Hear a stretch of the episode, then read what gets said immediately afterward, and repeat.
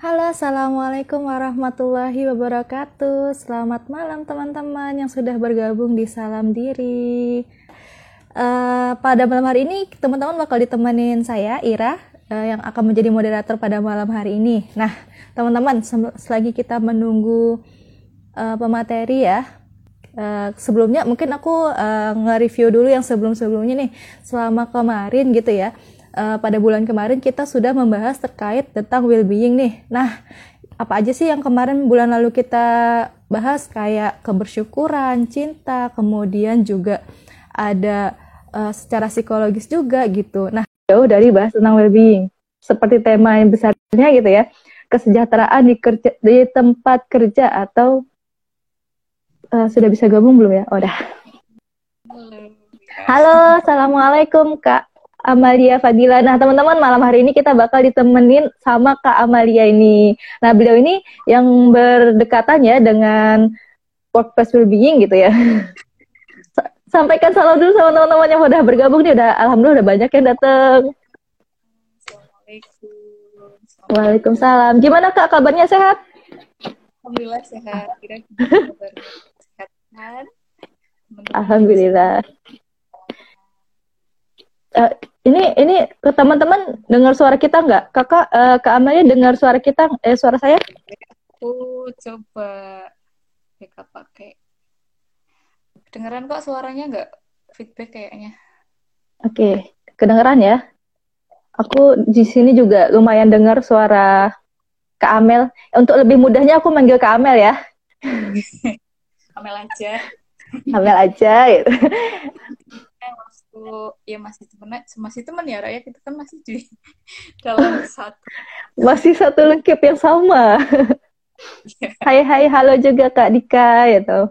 Nah, malam hari ini nih Kak, kita akan membahas seputar workplace well-being atau kesejahteraan di tempat kerja. Apalagi nih, uh, mungkin ini udah ada ya sebelum pandemi, tapi mungkin kayak lagi makin menggebu-gebu selama pandemi gitu ya. Kayak kita lelah gitu, merasa lelah gitu kan. merasa lelah akan banyak hal. Tapi sebenarnya apa sih Kak kayak uh, kesejahteraan di tempat kerja itu sendiri? Oke, uh, barusan ada yang bilang suaranya agak Suara kecil, agak ya? kecil. Uh -uh. Oh iya. Oh Kak Amel ini pakai headset nggak? Nggak, ini buat backup aja sih. Atau aku coba pakai uh, headset ya. Kalau ini suara saya sekarang ini kedengar jelas nggak, Kak? Kalau aku dengar jelas gitu. Tapi kalau uh, Masnya Boleh. ini Boleh yang live, lagi? boleh respon lagi. Kira-kira kedengeran nggak ya? Belum ya. Bentar, kita tunggu respon teman-teman yang nonton live. Karena aku masih dengar gitu, masih kedengeran gitu. Oh, Kak Ira juga jelas kok. Semoga lancar. Suara Kak Amel kecil. Aduh, sebentar ya, aku coba pakai. Coba coba ya. pakai handset dulu. Kak Amel kecil mohon ditambahkan volumenya. Oke, Kakak San. Makasih, Kak. Yang sudah ini gimana? Merespon. Oh, ini lebih kencang. Kalau dari teman-teman dengar, oh tapi double suara saya jadinya. Oh, teman-teman. Coba ya, aku aku deketin aja, oh. aku ngomongnya di depan mikrofon aja mungkin ya. Pas oh, sekarang kedengeran kencang sih. Oh, suaraku udah nggak gemah. Oke. Okay. Gimana Kalau dari teman-teman? Iya, teman-teman lebih temen -temen nyaman uh, aku pakai headset atau suara yang seperti ini? Mohon responnya dulu ya teman-teman untuk kenyamanan teman-teman juga.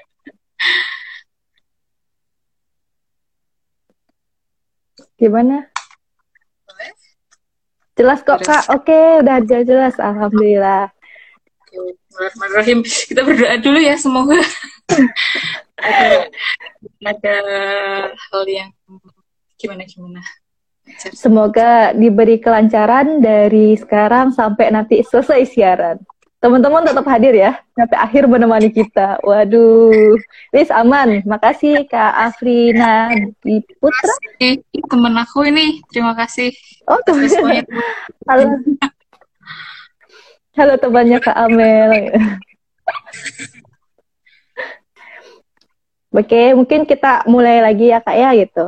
Hmm, mulai dari mana nih? mungkin bisa mungkin uh, tadi udah banyak panjang kali lebar kali ya kita ngobrol ngalor ngidul gitu. Membahas pervolumen. Mungkin bisa langsung aja nih uh, tadi kita udah bahas terkait hmm, mungkin lebih kayak mengenal workplace well-being dulu aja kali ya. Mungkin kalau dari kak Am kak Amel sendiri kayak gimana tuh Oke, uh, sebelumnya terima kasih. Aku mengucapkan terima kasih pada Ira dan juga tim dari Taraga Diri yang sudah menginisiasi uh, apa ya tema yang menarik gitu ya. Semoga juga teman-teman yang dari luar psikologi juga bisa mengikuti pembicaraan kita gitu. Jadi pada malam hari ini kita akan uh, ngobrolin terkait dengan workplace well-being atau kalau diterjemahkan ke bahasa Indonesia itu uh, kesejahteraan di tempat kerja. Sederhananya seperti itu. Nah, jadi uh, well-being itu yang kayak gimana sih? Nah, sebelum kita bicara terkait dengan workplace well-being, mungkin kita perlu juga uh, nyinggung sedikit lah ya terkait dengan well-being atau kesejahteraan. Jadi teman-teman, kalau teman-teman dari uh, sobat-sobat onelnya Taraga Diri mungkin sebelumnya sudah ngikutin series terkait dengan kesejahteraan ya Rak ya. Sebelumnya yeah. ada yang yeah. membicarakan terkait dengan psychological well-being atau kesejahteraan secara psikologis. Apa sih makna diri yang sejahtera? Kemudian ada juga subjective well-being, uh, kesejahteraan yang dilihat dari sudut pandang kehidupan gitu ya mungkin kalau teman-teman dari lintas uh, apa namanya uh, disiplin ilmu yang lain ada juga yang mendefinisikan kesejahteraan sosial mungkin kesejahteraan secara finansial mungkin atau bahkan kesejahteraan itu sendiri didefinisikan dalam sudut pandang agama mungkin ada gitu ya. Nah jadi yang mau saya sampaikan itu semua bentuk kesejahteraan itu saling mempengaruhi uh, bagaimana kesehatan mental seseorang gitu teman-teman. Nah, fokus pada pembicaraan well-being malam hari ini adalah kesejahteraan di tempat kerja itu kita perlu dikasih poin dulu ya. Nah, kesejahteraan di tempat kerja itu uh, kalau di psikologi industri organisasi bisa juga didefinisikan uh, sebagai bagaimana seseorang itu uh, merasa nyaman, merasa apa ya flow with the job gitu. Enjoy with jobnya gitu. Dia juga merasa satisfied atau merasa puas dengan pekerjaannya. Jadi apa yang dia kerjakan kita dapat value-nya gitu. Kayak uh, apa ya dia menemukan makna dari dia bekerjanya. Kurang lebih seperti itu teman-teman. Kalau dilihat dari sudut pandang psikologi. Kalau dilihat dari uh, aspek fisik uh, para pekerja juga secara fisik mereka healthy safety gitu. Jadi mereka dalam tempat kerja yang secure gitu atau tempat kerja yang aman. Pada uh, kayak misal mereka mendapat jaminan kesehatan dari resiko-resiko kerjanya gitu. Jadi uh, dia merasa safe and health secara fisik. Terus lagi ketika kita melihat dari aspek uh, social interaction atau interaksi sosial juga merasa uh, apa ya kayak mereka disambut di dalam organisasi atau tempat kerja itu. Terus sorry ya kalau ada suara yang mengganggu kayak dari dari sisi uh, social interaction. Jadi secara pekerjanya itu mendapatkan afeksi gitu kayak apa sih perasaan positif gitu kayak mereka diterima, mereka dihargai di tempat kerja itu, kemudian mereka dilibatkan dalam proses uh, kerjanya. Jadi uh, kita itu sebagai bagian yang berharga dari proses kerjanya itu. Banyak sekali aspeknya sebenarnya Ira, mungkin kita nanti bisa uh, melucuti satu-satu gitu ya. Jadi secara kurang lebihnya seperti itu. Dan aku namain lagi ya. Dan uh, terciptanya workplace well-being itu nggak hanya uh, kita melihat dari sisi individu saja, tapi bagaimana tempat kerja itu menciptakan suasana kerja yang menyenangkan, suasana kerja yang positif juga. Kurang lebih seperti itu, Ira. Oke, berarti uh, itu ya uh, selain ternyata selain uh, dari fisik gitu ya, merasa kita sehat secara badan gitu, kita diberi keamanan, tapi juga mendapatkan value gitu ya dari individu itu kepada perusahaan gitu ya misalnya gitu, atau di tempat kerja gitu ya kak. Terus uh, tadi kan ada banyak tuh berarti uh, kayak aspek-aspeknya mungkin bisa dibahas lebih detail lagi. Yang bahagia yang kayak gimana sih gitu? Bahagia uh, secara psikologis gitu ya, uh, secara kita oh, iya. menjalani menjalani secara apa ya, kita menjalani pekerjaan itu gitu ya. Jadi uh, ketika kita sudah masuk di dalam uh, kan sebelum apa ya sebenarnya gitu ketika kita harusnya sih baiknya gitu ya baiknya ketika kita memutuskan untuk masuk dalam lingkungan kerja berarti kita sudah memikirkan bagaimana konsekuensi dari dari pekerjaan kita, resiko kerjanya kita tuh seperti apa sih. Nah, kita udah ngerti dulu nih sebelum kita nanti bakal kayak kaget gitu. Oh, kok gini ya ternyata aku bekerjanya gitu. Nah, mungkin yang perlu kita cari tahu lebih awal adalah pengetahuan tentang pekerjaan kita dulu seperti apa. Ya, agar kita juga dapat uh, apa namanya beradaptasi dengan baik uh, terkait dengan pekerjaan kita. Nah, ketika kita sudah paham gitu apa pekerjaan kita, kemudian kita nanti mau ngapain, kita juga punya uh, apa ya kebutuhan gitu. Setiap orang pasti punya kebutuhannya, masing-masing punya motivasinya sendiri value-nya sendiri. Kita bekerja untuk apa?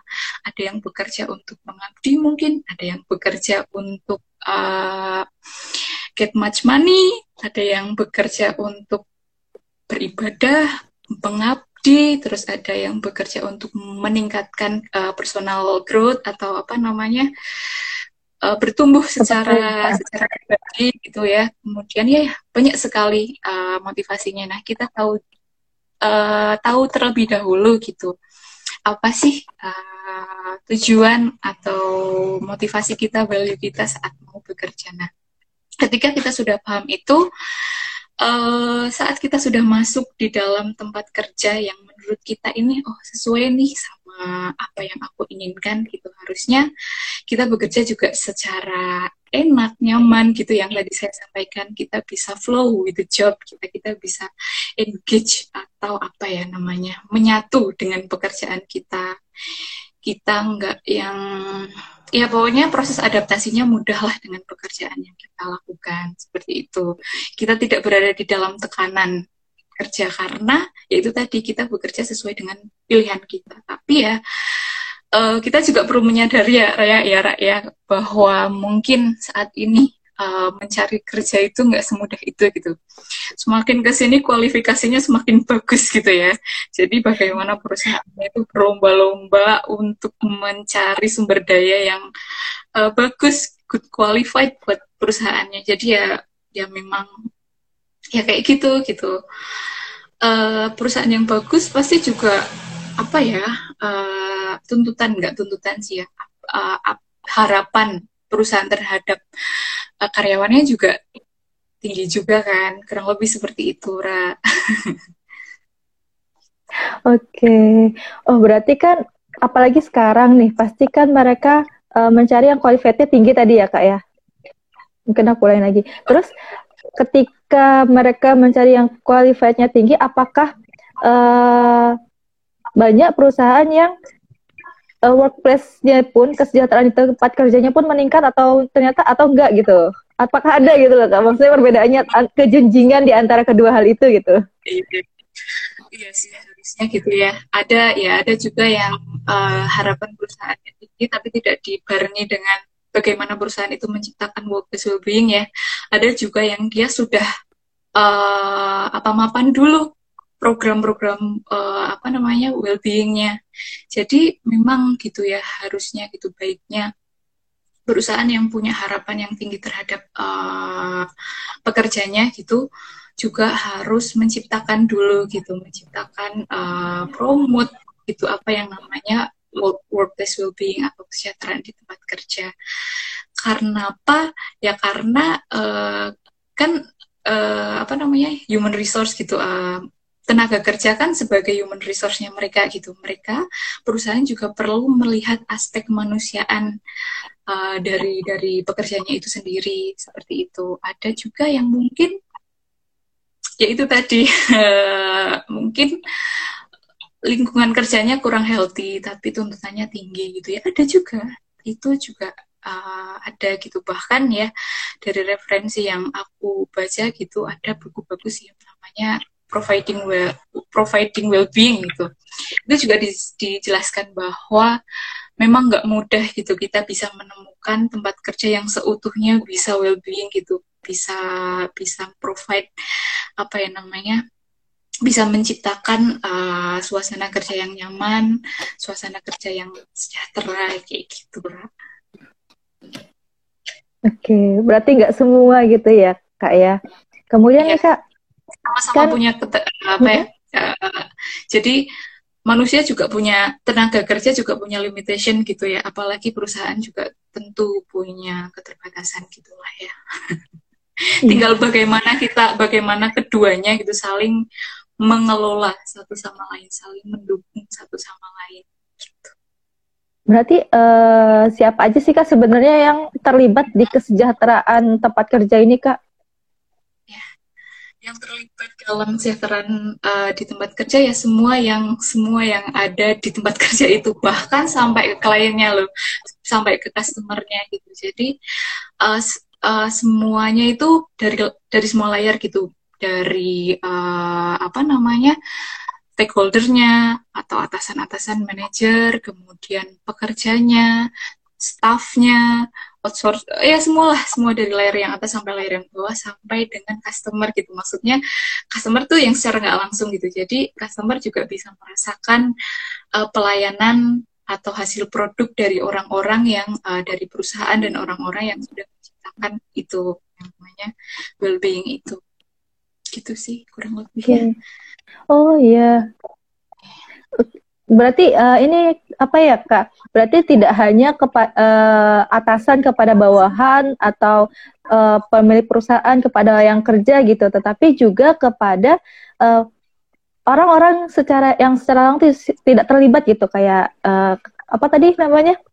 Klien gitu, customer gitu, ya ya. Terus ini kak uh, ada pertanyaan dari teman kita uh, workplace well-being sebenarnya tanggung jawab siapa gitu? Perusahaan punya kewajiban gak ini ini kadang kayak gimana nih kak?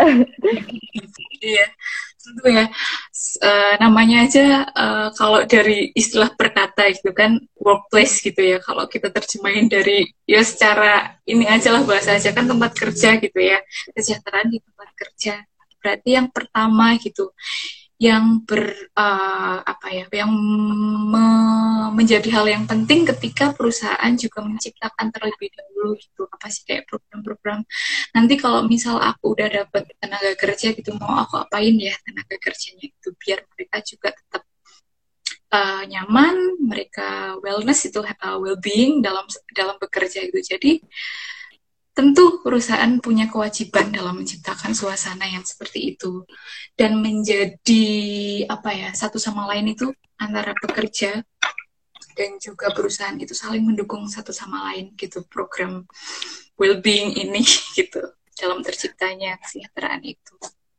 Oke, berarti selain tapi uh, kita sebagai uh, sebagai pekerja juga bertanggung jawab maksudnya dalam menjaga kesehatan mental kita.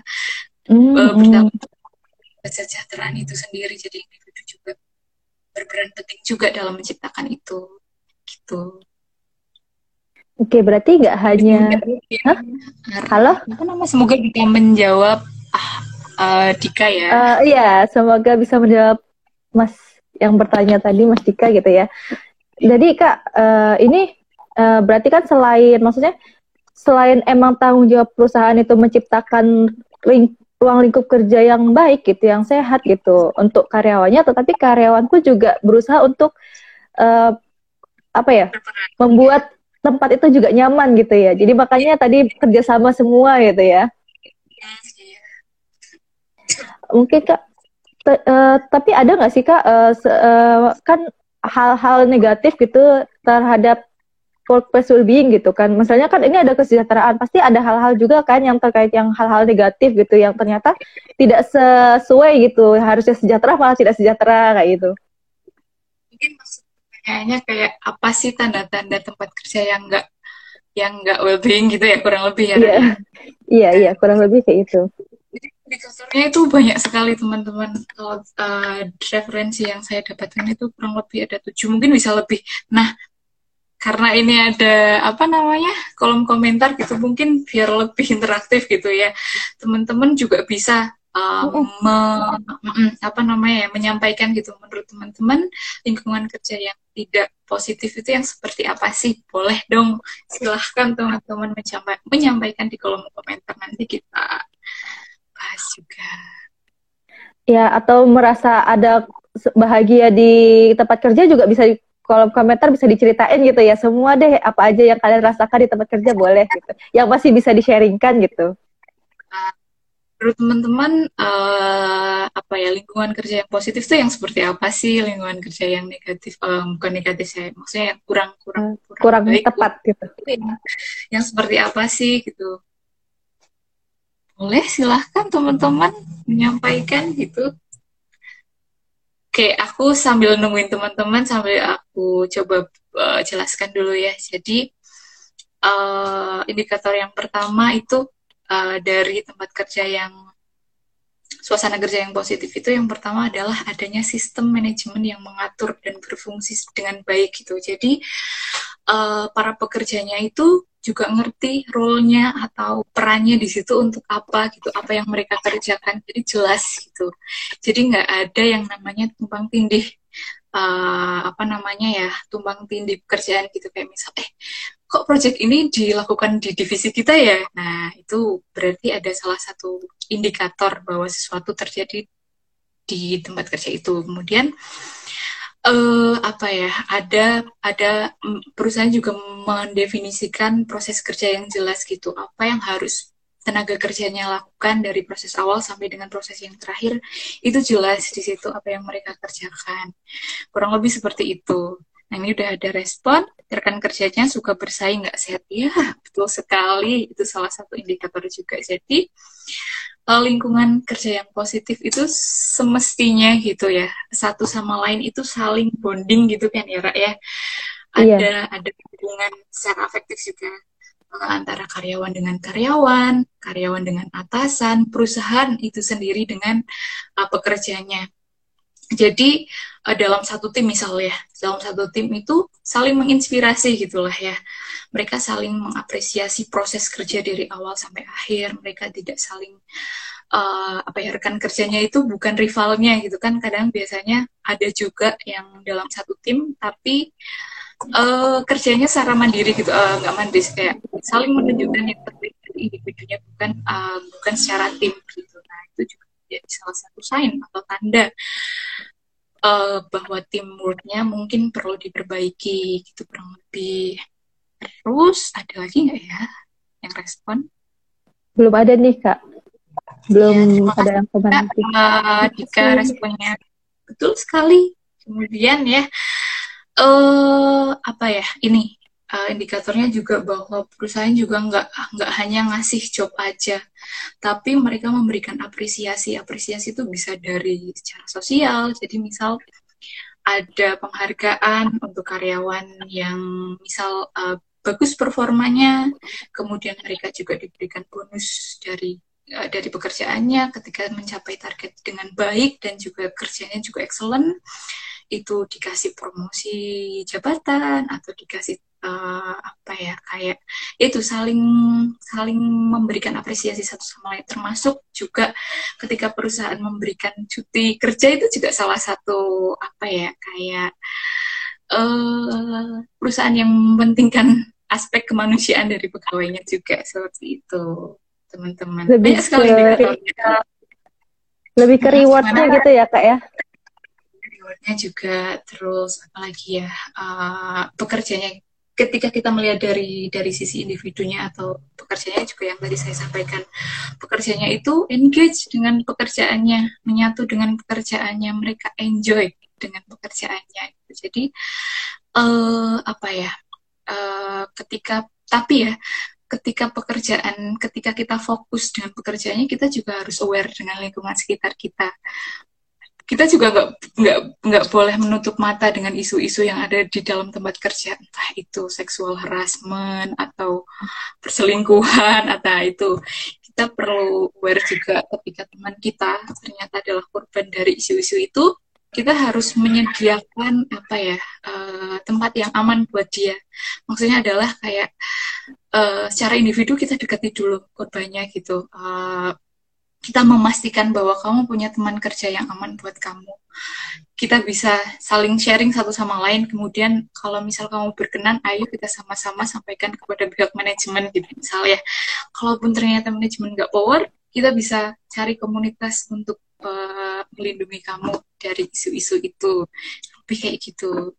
Jadi ada apa ya lingkungan kerja yang baik seharusnya juga melihat kondisi-kondisi isu-isu yang seperti itu memperhatikan hal-hal seperti itu kan gitu. Terus ada lagi? Ada lagi nih loh kak. Ya. ucapan terima kasih sesama karyawan itu juga loh. Uh, apalagi kalau atasan sama anak buah tahu kapan utah karyawannya. Wah luar biasa banget. Berarti hal-hal kecil pun bisa gitu ya kak?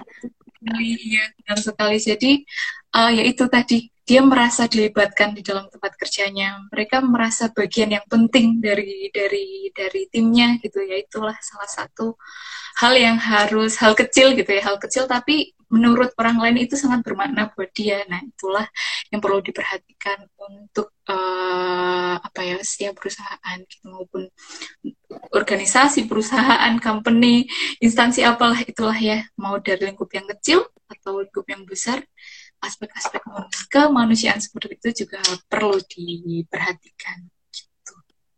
Oke, berarti kalau dari yang sebelumnya tadi kayak uh, merasa dipercaya, terus juga merasa uh, memberikan kita sebagai karyawan juga memberikan banyak apa ya namanya membuat perubahan positif kepada perusahaan atau kita apa di apa percaya diri memberikan pendapat atau kita menjadi diri sendiri ketika di perusahaan itu juga penting gitu ya kak ya. Jadi kita lebih engage lebih dekat terhadap perusahaan itu di tempat kerja itu. Jadi lebih produktif seperti itu. Dia memahami uh, kemampuan kompetensi potensi yang dia miliki sehingga dia bisa perform dengan baik dengan pekerjaannya itu dengan pekerjaan dia itu. Itu oke. okay luar biasa sekali ya. suara jelas itu. Enggak terlalu kedengeran kok kak. Cuma sekilas aja. Selain anu kak berarti kan uh, tapi bisa nggak sih kita mendeteksi orang ini beneran rajin bekerja atau malah jadi kecanduan gitu kak dalam ah. bekerja gitu Wah, itu gimana Kak jadinya membedakan kedua hal ini gitu? Nanti malah bukannya perusahaannya maju, eh malah nggak jadi maju karena karena ada hal-hal tertentu ini gitu. Jadi apa ya ketika kita bisa menunjukkan performa yang baik untuk perusahaan juga itu merupakan salah satu tanda yang baik gitu ya. Nah kita juga perlu melihat sisi kemanusiaannya lagi gitu kayak uh, mungkin ini juga menyinggung apa ya uh, ketika kita ada istilah di dalam apa ya istilah namanya workaholic gitu ya Ra ya. Yeah. Jadi yeah. Uh, kita malah kecanduan bekerja gitu ya. Akan ya itu bisa jadi hal yang positif juga bisa jadi hal yang kurang baik untuk diri sendiri karena uh, mungkin ya uh, orang yang mengeluarkan energinya untuk bekerja dari pagi sampai malam gitu. Misal biasanya orang-orang yang di bekerja di industri hiburan gitu ya atau orang-orang yang di bisnis sekalipun gitu. Itu menjadi kurang baik untuk diri mereka ketika mereka tidak melihat sisi uh, fisik gitu. Apa ya kesejahteraan secara fisiknya gitu. Jadi mereka memfosir dirinya untuk bekerja bekerja bekerja gitu. Mungkin uh, entah ya mereka pasti punya alasan lah ya di balik mereka bekerja gitu. Entah ya memang dia butuh butuh butuh bekerja atau mungkin ada juga nih teman-teman. Uh, sorry agak ini ya apa namanya agak agak acak dari yang ngomongnya jadi tuh ada juga riset terkait dengan uh, work orang-orang yang workaholic ini. Jadi tuh uh, sebenarnya mereka ada alasannya. Salah satu alasannya itu beberapa alasannya itu mereka uh, apa ya kayak melampiaskan nggak melampiaskan sih ya. Kayak sebagai peralihan pengalihan hmm. dari mungkin dia punya uh, peristiwa tertentu, kemudian dia merasa bersalah akan sesuatu, terus dia mungkin punya permasalahan uh, personal gitu. Entah ditinggal oleh orang yang signifikan buat dia sehingga dia apa ya lebih ah aku mau menyibukkan diri aja deh untuk menghilangkan perasaan-perasaan negatif ini. Yaitu menjadi hal yang baik gitu. Tapi menjadi hal yang tidak baik ketika uh, mereka melupakan aktivitas sebelumnya misalnya uh, kuliah, terus ada juga mungkin mereka lupa sama keluarganya, mereka lupa dengan aktivitas-aktivitas hobi-hobinya. Nah, jadi itu mereka uh, mengeluarkan daya apa namanya ya, uh, mengeluarkan energinya hanya untuk bekerja saja gitu. Jadi mereka lupa mungkin ya bahwa uh, kita sebagai manusia juga punya titik lelahnya, kita juga uh, kalau misalnya apa ya, ketika kita memforsir fisik terus menerus gitu kan akan efek juga ke kesehatan gitu. Nah mungkin ada hal yang tidak diperhatikan oleh uh, orang-orang yang apa ya bekerja dengan energi yang yang banyak gitu ya. Kurang lebih kayak gitu Ra Oke, bahaya juga ya berarti gitu. Ini ada yang ngomong nih, setiap uh, kan Nanti dulu deh kalau gitu. Jadi berarti banyak ya yang maksudnya uh, tanpa sadar mungkin malah memforsir dirinya bahkan malah menyakiti diri sendiri gitu ya. Yes. Karena saking seriusnya bekerja atau makin karena ingin melakukan pengalihan, lupa keluarga, lupa sama hobi gitu. Terus nih Kak, ada lagi nih yang uh, kan uh, bukan pertanyaan sih ini pernyataan. Setiap karyawan atau pekerja perlu merasa diperlakukan adil dalam perusahaan. Tapi saya jadi mau tanya nih. Pe perlakukan perlakuan yang adil itu seperti apa gitu? Iya. Perlakuan yang adil ya juga sih ya. Kayaknya setiap orang itu punya penilaian sendiri-sendiri ya terkait dengan yang adil itu yang seperti apa. Mungkin bisa di kerucutkan lagi adil dari aspek uh, apa gitu kan adil juga bisa dari aspek pembagian kerja atau adil dari aspek uh, misal nih perusahaan sudah sudah mendapatkan apa yang dibutuhkan gitu kan uh, jadi tuh pasti ya gitu kita nggak boleh menutup mata juga bahwa perusahaan juga perlu perform gitu ya butuh mereka punya goal mereka punya visi, mereka punya misi yang mana salah satu cara untuk mencapainya itu dengan kinerja karyawannya gitu kan. Nah mungkin, nah dari hal ini juga bisa dilihat adil tidaknya gitu kan ya. Kita bisa yeah. melihat dari yeah. sisi itu juga apakah ketika kita sudah memenuhi kebutuhan perusahaan, perusahaan juga memenuhi kebutuhan kita sebagai individu atau enggak. Gitu. Ya, setiap karyawan bekerja perlu merasa diperlakukan. Ya perlu ya perlu merasa itu. Itu sih jawabannya ya. Ya perlu. Kenapa? Ya karena ketika kita sudah sudah bekerja dengan usaha yang terbaik untuk perusahaan ya alangkah lebih baiknya perusahaan juga melihat um, mengapresiasi setiap proses yang kita lakukan gitu kan ya. Mengapresiasi mereka juga memenuhi kebutuhan kita juga. Kebutuhan secara fisik tadi gitu dijamin uh, apa ya keselamatan kerjanya gitu. Kemudian dijamin juga fasilitas-fasilitas untuk makan, ada free pantry-nya mungkin, ada upah untuk makan siangnya mungkin, terus ada sarana untuk beribadah yang memadai, ada sarana yang buat istirahat itu biasanya kalau uh, di salah satu apa ya tempat kerja yang yang apa ya yang mempentingkan uh, aspek kemanusiaan mereka juga disediakan kayak ada uh, tempat buat bermain gitu tempat olahraga entah itu biliar atau pingpong nah itu salah satu uh, ciri-ciri organisasi atau perusahaan yang mementingkan ini well-beingnya pekerja juga gitu. Berarti lebih sehat juga ya. Ini suara saya masih menggema ya. Oh iya, di aku enggak ya di aku menggema sih. Tadi ada yang komen soalnya menggema. Iya. Sekarang gimana teman-teman suaraku bisa didengar dengan baik nggak ya? Kalau suaraku? Kalau suaraku? Kalau suara Ira dari dari aku suaranya jelas kok terdengar dengan baik. Kalau suaraku gimana, Ra? Kalau suaramu lancar, lancar. lancar. Cuma di aku malah malah dua suara suaraku yang jadi dua gitu mungkin karena Kayak kita juga dari dari ya. itu apa ya coba aku anu dulu.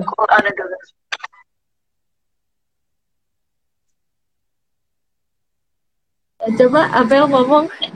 Coba Abel ngomong. Suaraku udah tercopot masih double. Lebih lebih enak yang pakai itu yang sebelumnya. Yang sebelumnya kan?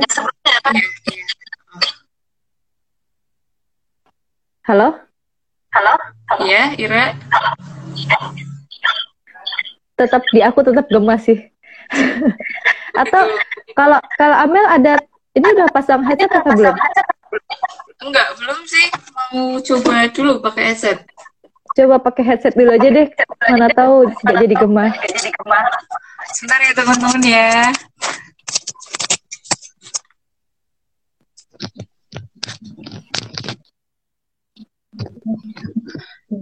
Oh ya boleh nih ada yang eh, respon gitu. ada yang tanya ada yang tanya. Oh malah semakin double malah semakin double Eh, sekarang masih Ini kedengaran sekarang masih kedengaran nggak? Iya, suara Ira jelas, suara aku gimana, Ra? suaramu jelas lebih jelas dari jelas lebih jelas dari tadi. Oke, siap. oke ini ada yang tanya ini ada yang tanya. Pertanyaannya, oh, jika ada karyawan jika ada karyawan memiliki etos kerja yang cukup dan tinggi mengajukan resign mm, sebaiknya pihak perusahaan mempertahankan pihak perusahaan mempertahankan atau melepaskan dengan alasan pengembangan karirnya pengembangan karirnya Iya. Suatu pilihan yang ini ya. kalau Itu eh, eh sorry bentar. Nah, gimana teman-teman suaraku aman kan? aman aman Nah, eh, ketika ada pilihan seperti itu, kalau bagi perusahaan itu sebuah pilihan yang nggak mudah gitu ya. Eh, kita mau gimana nih gitu ketika ada eh, karyawan dengan performa kerja atau etos kerja yang bagus, tapi dia juga punya pilihan untuk resign. Nah, eh, kalau jawaban dari sisi perusahaan ya sebisa mungkin gitu mereka akan memberikan apa ya kayak ya ingin eh, konsekuensi untuk tetap mengembangkan si si si si, si pekerjaannya ini gitu. Tapi eh, menjadi hal yang nggak enak bagi eh, bagi karyawannya itu ketika ternyata di dalam tempat kerja itu mereka nggak mendapatkan kenyamanan, mereka nggak mendapatkan eh, well-being itu sendiri gitu kan. Jadi jadi hal yang apa ya? eh ya secara nggak langsung mereka ya tetap pengen pengen cari tempat kerja yang bisa memenuhi kebutuhannya dia kan gitu nah eh kalau ja- minta jawaban dari sudut pandang perusahaan mungkin ya baiknya perusahaan itu evaluasi dari kejadian eh, dari permasalahan-permasalahan yang ada di dalam tempat kerjanya gitu permasalahan apa sih Eh, kenapa sih eh, pegawai sampai resign, pegawai sampai absen gitu misal ada yang salah dari dari sistem manajemennya atau masalahnya dari mana nih gitu. Nah, itu perlu adanya proses saling evaluasi satu sama lain gitu ya. Agar sama-sama bisa eh, memenuhi kebutuhan antar kebutuhannya pekerja itu sendiri maupun kebutuhan dari ya perusahaannya gitu. Nah, kalau eh, menjawab pertanyaan dari dari indiv- dari sudut si individunya gitu bahwa kita juga ya kita sendiri gitu kan juga memilih memiliki hak gitu ya untuk memilih jalan kita gitu. Ketika kita ternyata sorry, ketika kita ternyata eh, berada di tempat yang enggak enggak baik untuk dia gitu ya, ya selama eh, kalau ternyata masa kontraknya habis gitu ya ya nggak apa-apa it's okay untuk resign gitu. Malah itu menjadi hal yang eh, apa ya pilihan yang mungkin pilihan yang tepat juga ketika dia mencari tempat kerja yang lebih bisa mementingkan eh, apa ya lebih memperhatikan eh, aspek kemanusiaan gitu kan kurang lebih. Nah Terus kalau ternyata nih mereka masih di dalam eh, apa di dalam kontrak kerja gitu ya dan mereka tidak bisa negosiasi sama manajemen untuk aku resign ya gitu boleh apa enggak ternyata ternyata ada misal ada konsekuensi kalau misal dia resign kayak misal atlet-atlet gitu kan kalau barangkali gitu mereka kan udah udah udah ada kon apa namanya kesepakatan dengan uh, sponsor gitu misal itu memang menjadi hal yang susah gitu ya ketika kita menyadari bahwa kita berada di tempat yang enggak nggak nyaman buat kita kita mau keluar karena adanya ya entah itu penalti atau kita belum selesai masa kontraknya itu menjadi hal yang tidak mudah juga untuk dijalani. Nah yang perlu diperhatikan adalah bagaimana kita menguatkan kekuatan dalam diri kita. Kita perlu resilient juga membekali diri untuk buat uh, ya apa ya bertahan sampai akhir dari apa yang sudah kita awal ini suaraku kayaknya bermasalah ya. Ada gemeresek sesaat sih. Nah, Oke, okay. tapi mengganggu nggak bisa terdengar dengan baik nggak teman-teman? Kalau aku masih bisa dengar. Kalau teman-teman, okay. teman-teman. Semoga bisa dengar ya. Semoga ini pertanyaannya bisa menjawab ya kakak San. Ini ada komen, itu karyawan lagi ngecek gaji. Bisa oh, lah ya buat negosiasi gitu ya. uh, okay, okay. Mungkin salah satu buat meningkatkan resiliensi di tempat kerja ya salah satunya itu ngecek gaji. Oh iya iya. Jadi yeah, resi uh, mungkin ada teman-teman yang dari nggak dari psikologi. Jadi resiliensi itu bagaimana kemampuan diri itu apa ya ke, bagaimana diri kita itu tetap bertahan di situasi yang nggak mudah gitu dengan cara ya misal ya kayak sesederhana kalimat yuk bisa yuk itu juga salah satu iya. cara untuk menciptakan uh, resiliensi gitu menciptakan inner strength gitu terus juga ada juga yang namanya self regulated learning ya Rak ya. Apa namanya regulasi ya. kemampuan regulasi, regulasi diri, diri bagaimana uh, bagaimana kita merespon stresor-stresor atau merespon uh, re merespon hal-hal yang nggak menyenangkan menjadi sudut pandang pikiran dan juga emosi yang lebih positif itu kayak misal uh, ya pasti ya di dalam di dalam kita bekerja ada yang namanya proses adaptasi ada yang namanya proses titik jenuh juga gitu. Kita capek dengan pekerjaan kita. Pasti di situ nanti muncul pikiran-pikiran ya Allah aku tuh bener nggak sih ada di habitat ini? Gitu. Habitat ini tuh sesuai dengan kemampuan aku apa enggak? Gitu kan. Terus juga pikiran-pikiran uh, kapan ya ini selesainya? Kalau misal aku kayak gini terus mungkin aku bisa tipes. Nah ya yang kayak tagline-nya. Tagline-nya Taraga diri ini. Nah itu tergantung bagaimana kita meregulasi apa ya mengubah uh, pikiran-pikiran uh, yang yang kurang baik menjadi hal yang lebih positif gitu. Kayak misal ketika kita dikasih beban kerja yang sedemikian gitu kita berusaha untuk mencoba berpikir dengan sudut pandang yang lain gitu. Misal kayak oh mungkin aku dikasih beban gitu. Nggak beban sih kayak dikasih tugas ini karena barangkali uh, atasan saya percaya bahwa saya dari sekian teman yang lain yang punya kompetensi, yang punya uh, pemahaman yang baik dengan tugas ini ya cuman aku dan uh, atasan juga percaya bahwa aku bisa melakukannya. Toh gitu ya. Pun uh, Allah juga nggak akan ngasih beban yang apa ya tidak sesuai dengan kemampuan kita juga ya gitulah afirmasi afirmasi positif itu bisa dijadikan kita sebagai apa ya Raya Peng, penguat diri penguat. biar dia tetap uh, biar kita bisa tetap survive di dalam situasi yang mungkin tidak mudah bagi kita. Mungkin seperti itu ya teman-teman. Berarti ya termasuknya mengurangi itu salah satu cara buat mengurangi apa mengurangi burnoutnya kita. Yang bahasa yang sering dipakai anak muda zaman sekarang. Iya. Ya, ya lebih seperti itu. Kondisi-kondisi seperti itu juga salah satu indikator burnout gitu ya. Burnout itu bagaimana yeah. kita merasa pengen keluar dari situasi yang nggak yang nggak mudah gitu. Kurang lebih seperti itu. Kalau kita ngerasa nggak nyaman gitu terus jangan langsung ninggalin gitu. Kayak oh apa sih yang bisa kita lakukan dulu supaya kita bisa lebih semangat supaya kita lebih positif supaya kita lebih ya uh, bisa ya, menyelesaikan tanpa kayak, tertekan gitu ya ya kak ya? Iya kita ngambil uh, mencoba untuk me berusaha untuk mencoba melihat dari sisi sudut pandang yang lain gitu yang lebih positif. Dari respon secara emosi juga kita berusaha untuk mencari ca apa ya kayak hmm, coba kita lihat dari sisi yang lainnya gitu. Apakah emang ini nggak enak terus nih gitu.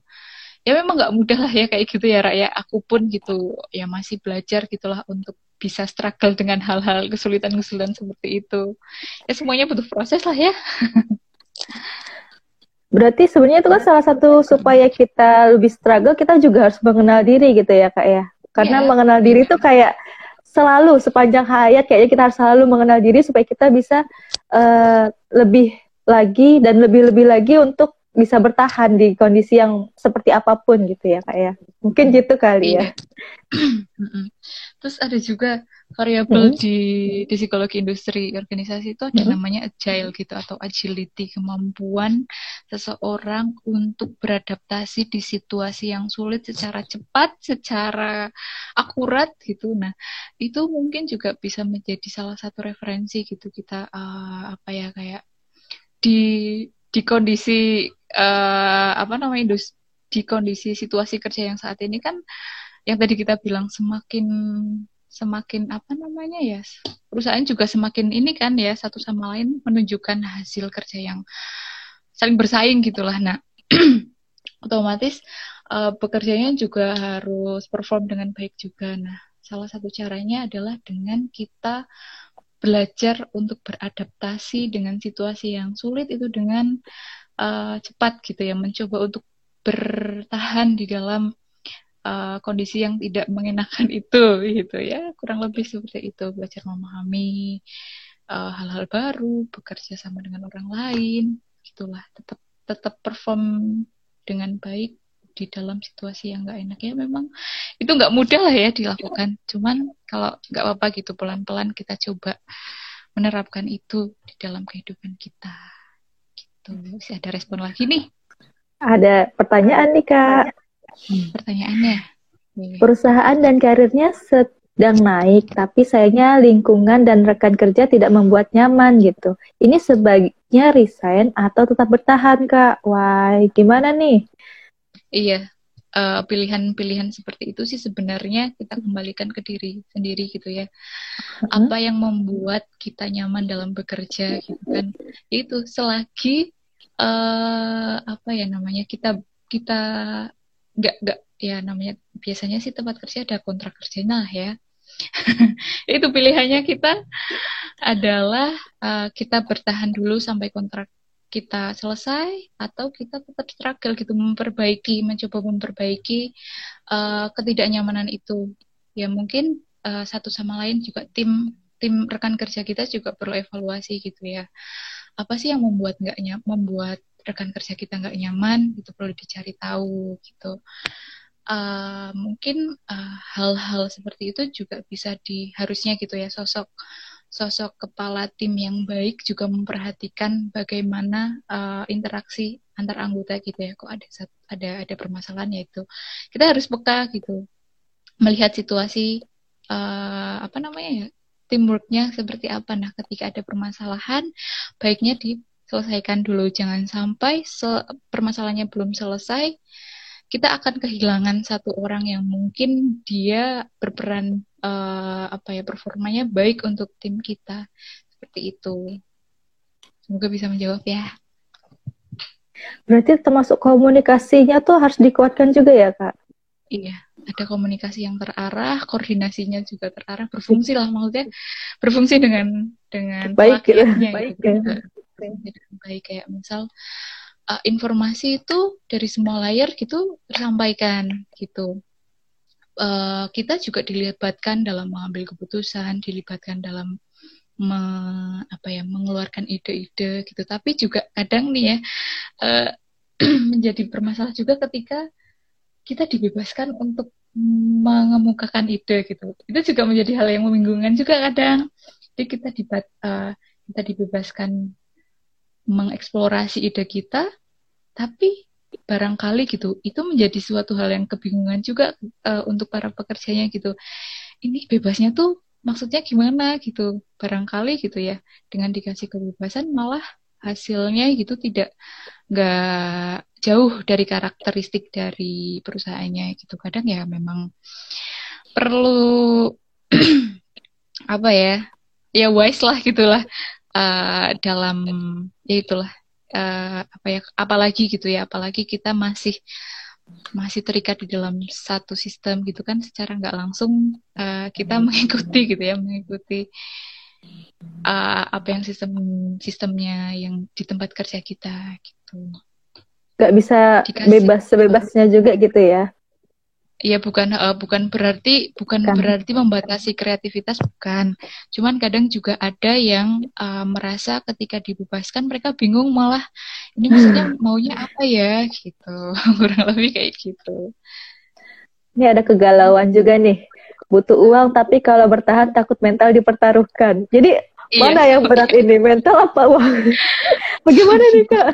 Semuanya ada setiap pekerjaan itu ada konsekuensinya gitu ya. Jadi harusnya gitu pekerjaan yang tingkat resikonya tinggi ya mereka harus memberikan uh, timbal balik yang yang sesuai dengan apa yang pekerjaannya berikan juga kan ya gitu ya itu bagaimana kita kuat-kuatin mental agar kebutuhan kita terpenuhi ya ini sih.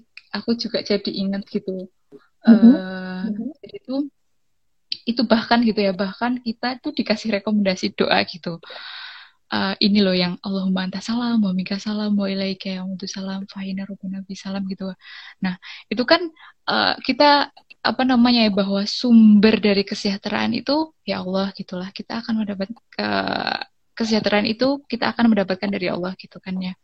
Barangkali gitu kita nggak mendapatkan kesejahteraan di sisi ini di di workplace barangkali masih ada juga kita bisa dapat dapat kebahagiaan kenyamanan kesejahteraan di sisi-sisi yang lain.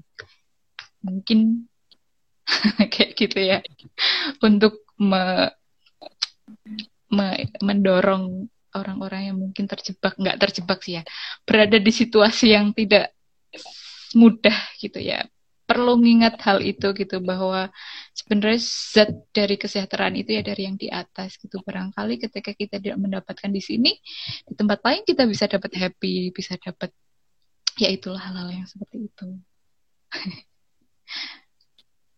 Oke, berarti luas ya kak ya. Walaupun kita tidak dapat workplace di sini, nggak dapat kesejahteraan di sini gitu kan. Tapi mungkin bisa jadi ada peluang lain yang se sebenarnya ada tapi kita nggak tahu gitu tidak menyadari mungkin ya. Tidak menyadari itu ya, ya. Tidak menyadari mungkin lebih enak didengar itu. Terus ya berarti tadi kayak sebenarnya uh, selain uh, sebenarnya bagaimana sih menjadikan kita lebih bermakna terhadap perusahaan? Salah satunya tadi lebih kayak ke itu ya kepercayaan juga gitu ya supaya kita nyaman. Berarti kita juga harus jadi bermakna di perusahaan itu gitu juga ya. Iya nggak sih kak? Lebih ke memahami gitu. Kita uh, apa ya kayak value-nya kita gitu apa motivasinya kita kita mau bekerja untuk apa sih gitu.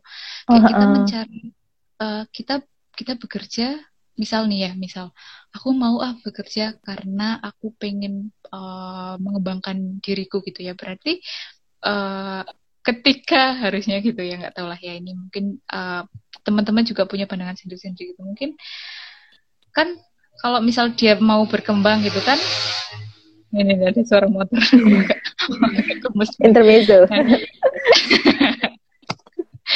Mana kenal potnya tuh gitu. Ya teman-teman kalau mengganggu, oke balik lagi gitu ya. Ketika kita punya uh, tujuan gitu, motivasi atau value bahwa kita mau bekerja karena aku pengen punya personal growth gitu, ya berarti uh, harus menerima uh, itu lagi lagi-lagi konsekuensi harus menerima ketika kita nanti berada di situasi yang sulit berarti aku harus beradaptasi.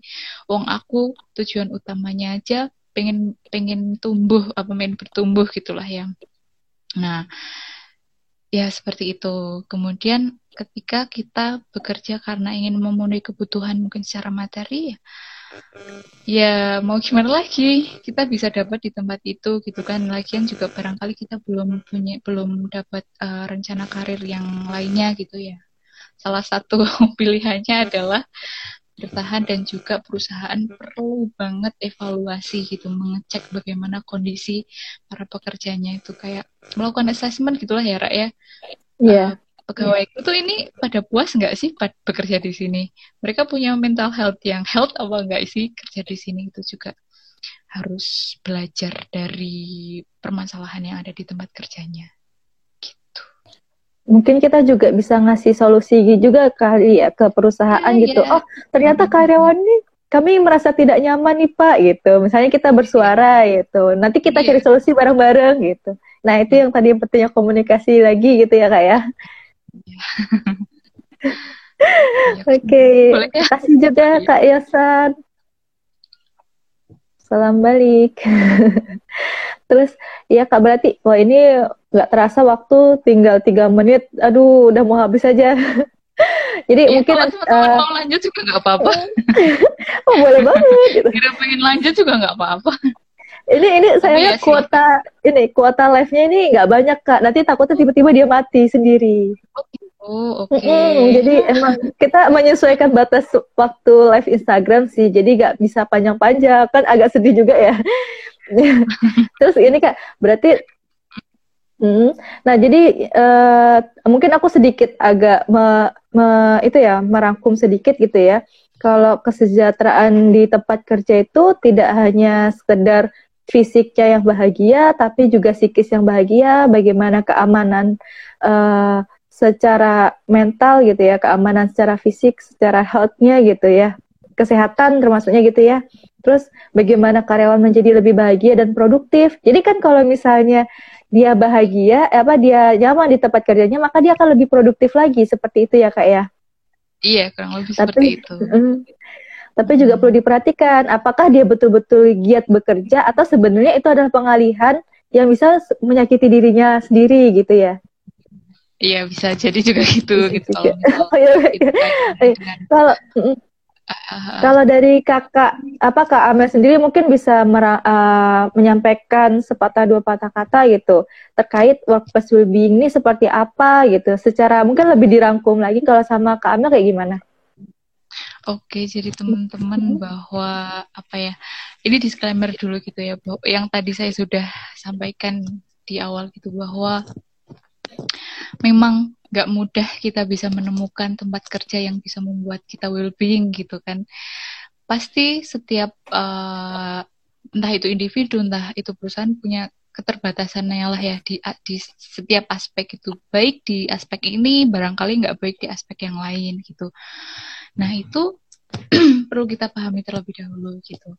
Kita pun sebagai manusia ya punya keterbatasan juga kita bisa perform dengan baik, barangkali kita juga punya permasalahan psikologis nih, gitu. Nah, yang yang yang mana perusahaan juga perlu tahu kalau misal kita punya permasalahan personal gitu. Setiap orang punya permasalahan personal gitu kan ya. Terus juga bahwa kesejahteraan uh, di tempat kerja itu kita bisa melihat dari tiga aspek yang tadi Ira sampaikan. Uh, secara fisik kita merasa kita berada di tempat yang secure atau aman dan juga dijamin secara safety apalagi untuk orang-orang dengan pekerjaan yang resikonya tinggi itu kita terjamin secara keamanannya kemudian kita juga bisa mengeluarkan uh, ini apa ya energi atau daya kita untuk bekerja kita semangat dalam bekerja gitu jadi nggak nggak nggak tertekan. Nah tertekan ini masuk ke dalam aspek psikologis gitu. Kita nyaman kita menyatu dengan pekerjaannya karena di awal kita udah tahu kita mau apa sih bekerja untuk apa sih. Nah itu. Terus kita juga apa ya ketika kita sudah engage atau menyatu dengan pekerjaan kita harusnya kita juga bisa perform dengan baik gitu kan ya terus yeah. dari aspek sosial gitu uh, interaksi sosial gitu bahwa aku nih berada di tempat kerja yang menyenangkan nih gitu teman kerjaku uh, saling support satu sama lain gitu nggak saling menjatuhkan nah itulah bagaimana perusahaan menciptakan suasana kerja yang nyaman juga kalau lebih kayak gitu ya Ra ya Oke, luar biasa sekali kak. Mau Apalagi kak, aduh, takut tiba-tiba mati deh. ya, ya mungkin. Ya. Kurang lebih kayak gitu teman-teman. bisa nanti mungkin lain waktu atau uh, kapan waktu kita bahas tema lagi yang ini gitu ya kurang lebih nanti lanjutannya ada gitu ya mungkin gitu oh ya mungkin uh, sekali lagi aku ucapin makasih banyak ya buat Kak Amel buat malam hari ini gitu kan karena durasi waktu kita jadi wah udah udah lewat dari jam 21 tapi gak apa-apa lah dikit gitu. Terima kasih Kak Amel udah malam hari ini udah sharing-sharing uh, yeah. terkait workplace well-being gitu. Jadi kita yang tadinya nggak tahu malah jadi lebih tahu. Terus tadi semoga pertanyaan-pertanyaan juga menjawab teman-teman juga yeah. ya gitu. Dan semoga teman-teman terke paham. Iya, ya semoga juga apa yang kita diskusikan hmm. menjawab teman-teman yang tadi nanya gitu. Semoga juga bermanfaat juga. Amin kita lakukan hari ini. Mungkin kalau dari Kak Amel ada pesan atau quote gitu buat teman-teman biar ter terkenang gak gitu. Usah. Oh nggak usah. Nanti aja Bro, gitu ya.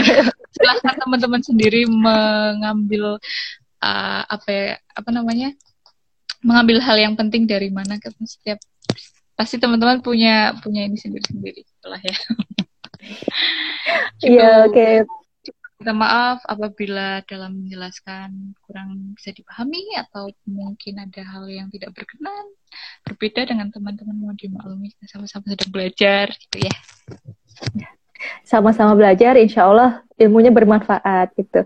Sekali lagi uh, saya ucapkan terima kasih kepada teman-teman Taraga, sam, ber, uh, juga Kak Amel pada malam hari ini gitu kan. Semoga ilmu yang kita bahas ini semoga bermanfaat buat teman-teman semua, baik yang kita yang membicarakan maupun yang mendengarkan gitu ya. Amin amin ya rabbal alamin. Mungkin saya cukupkan untuk malam hari ini. Uh, nantikan salam diri salam diri selanjutnya ya kak ya. Kalau gitu ya, saya juga saya tuh membahas yang lain dari tarakan diri semoga uh, semakin uh, apa ya semakin luas gitu promosi terhadap kesehatan mentalnya saya sangat mengapresiasi sekali teman-teman. Terima kasih banyak. Kira. Iya, makasih banyak Kak. Kalau gitu uh, aku tutup ya. Assalamualaikum ya. warahmatullahi wabarakatuh. Makasih sekali lagi Kak Amel. Dan teman-teman sehat-sehat. Aku tutup. Iya, terima kasih yang sudah join. Terima kasih, terima kasih yang udah join.